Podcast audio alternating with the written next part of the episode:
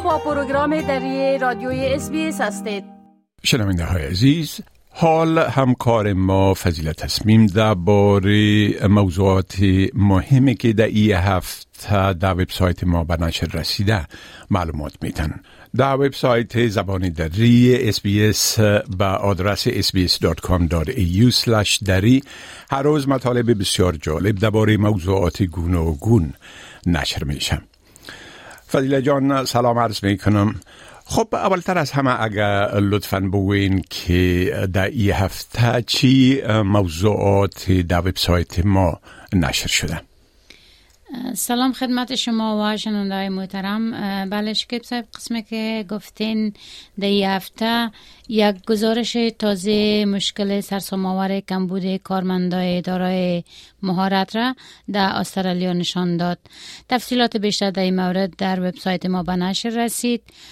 همچنان حکومت استرالیا نگران یک رکود اقتصادی در کشور است و ای که تاثیرات آن بر نرخ سود و مصارف زندگی چی خواد بود.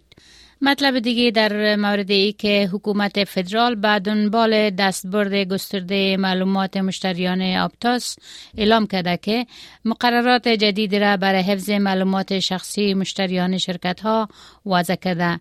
این اصلاحات به شرکت ها اجازه خود داد تا معلومات مشتریان با مؤسسات مالی به اشتراک گذاشته از تقلب جلوگیری بکنند. مطلب سیهی در مورد ای که پنج کاری که می‌تونه شما را به بهبود سلامت بته به نشر رسید و اینکه فعالیت جسمی و داشتن یک رژیم غذایی متعادل از جمله کارهایی است که شما می‌تونین روزانه برای حفظ سلامت خوب انجام بدین. مدافعان آن کسایی که در استرالیا درخواست پناهندگی میتن گفتن که در نامه هایی که حکومت استرالیا به شماری از پناهجویان فرستاده از, آنها خواسته تا در کشورهای دیگه درخواست پناهندگی بتن و ای باعث پریشانی بیاندازه شده. در این نامه ها آمده است که استرالیا گزینه برای شما نیست و از مردم می‌خواهد که در یک کشور دیگه درخواست پناهندگی بتن نرخ سود در استرالیا در نو سال اخیر به بلندترین میزان خود رسیده. بانک مرکزی استرالیا نرخ سود با یک چهارم یعنی 2.6 درصد افزایش داد. و این بلندترین نرخ سود از سال 2013 به این طرف است. با اساس یک گزارش از قول بانک جهانی فقر و نابرابری در جهان در دهه اخیر افزایش یافته. بیماری همگیر کووید 19 یکی از دلایل بزرگ ای پسمانی خوانده شده. بانک جهانی هشدار داده که هدف از بین بردن فقر شدید تا سال 2030 احتمالا دور از امکان خواد بود. بله خب از دوچند شدن کمبود کارمندان ماهر و مسلکی گفتین. اگر لطفا در ای باره یک مقدار توضیحات بتین بله کم بود برای کارمندان کارهای حرفوی در استرالیا تقریبا دو برابر شده. در حالی که مقامات برای رسیدگی به این مشکل می‌خواهند بهترین راه را جستجو بکنن.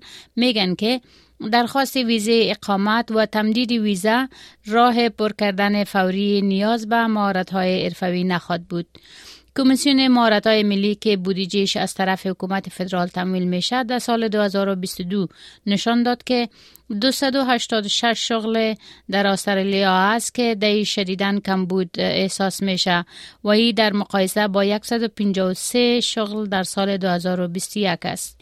وزرای مهارت های ایالتی و فدرالی در ملبورن روز جمعه فهرست کارهای حرفوی مورد نیاز استرالیا را انتشار دادند. آنها در نظر خواهند گرفت که چگونه به بهترین وجه به این کمبودها رسیدگی کنند. دیلس زیادترین کمبود در های پرستاری بخش های کمپیوتر بخصوص انجینیران پروگرام سازی کمپیوتر کارمندان خدمات برای بزرگسالان کارگران ساختمانی و معلمین کودکستان ها ذکر شده برنامه مثل ویزه 482 برای مهارت های کار برای رفع ای کمبود کارفرمایا اهمیت فزاینده دارد زیرا آنها برای یافتن کارگرا به صورت محلی تلاش می کنند. کابینه ملی استرالیا همچنان برای به وجود آوردن 180 هزار کورس های تقویه مهارت ها به صورت رایگان موافقت کرده به علاوه حکومت کارگری استرالیا به فراهمی 20 هزار رشته های تخصصی در دانشگاه ها وعده داده. خب از قانون نو محرمیت گفتین که حکومت برای شرکت ها تهیه کرده و گفته که باید از او برای حفظ معلومات شخصی استفاده کنه. بله؟ بله. در پای حمله سایبری با ابتاز قوانین جدید بر شبکه های اینترنتی و مخابراتی وضع شد. میشل رولند وزیر ارتباطات استرالیا میگه این مقررات با هدف کاهش تاثیر جلکاری ها و بهبود امنیت مشتری ها وضع شده. خانم رولند وزیر ارتباطات گفت که بر اساس مقررات جدید معلومات در مورد مشتری های شرکت های آسیب دیده با سازمان های مالی در میان گذاشته شده بعدا از بین میره. او گفت که کاری که ما می‌خواهیم انجام بدیم است که مقررات مخابراتی را اصلاح کنیم و این مقررات شبکه شبکه چون قادر می‌سازه تا بر تشخیص و کاهش خطرات فعالیت های مخرب و جلکاری از جمله سرقت با مؤسسات مالی هماهنگی بهتری داشته باشند و دومی که به شرکت های مخابراتی اجازه میده صرف اطلاعات محدود در مورد مشتریان با سازمان های حکومتی مثل خدمات استرالیا بر جلوگیری از تقلب در میان بگذارند. بله خب بسیار تشکر فضیل جان از این معلوماتتان و فعلا شما را به خدا می سپارم و روز خوش برتان آرزو می کنم. روز شما هم بخیر.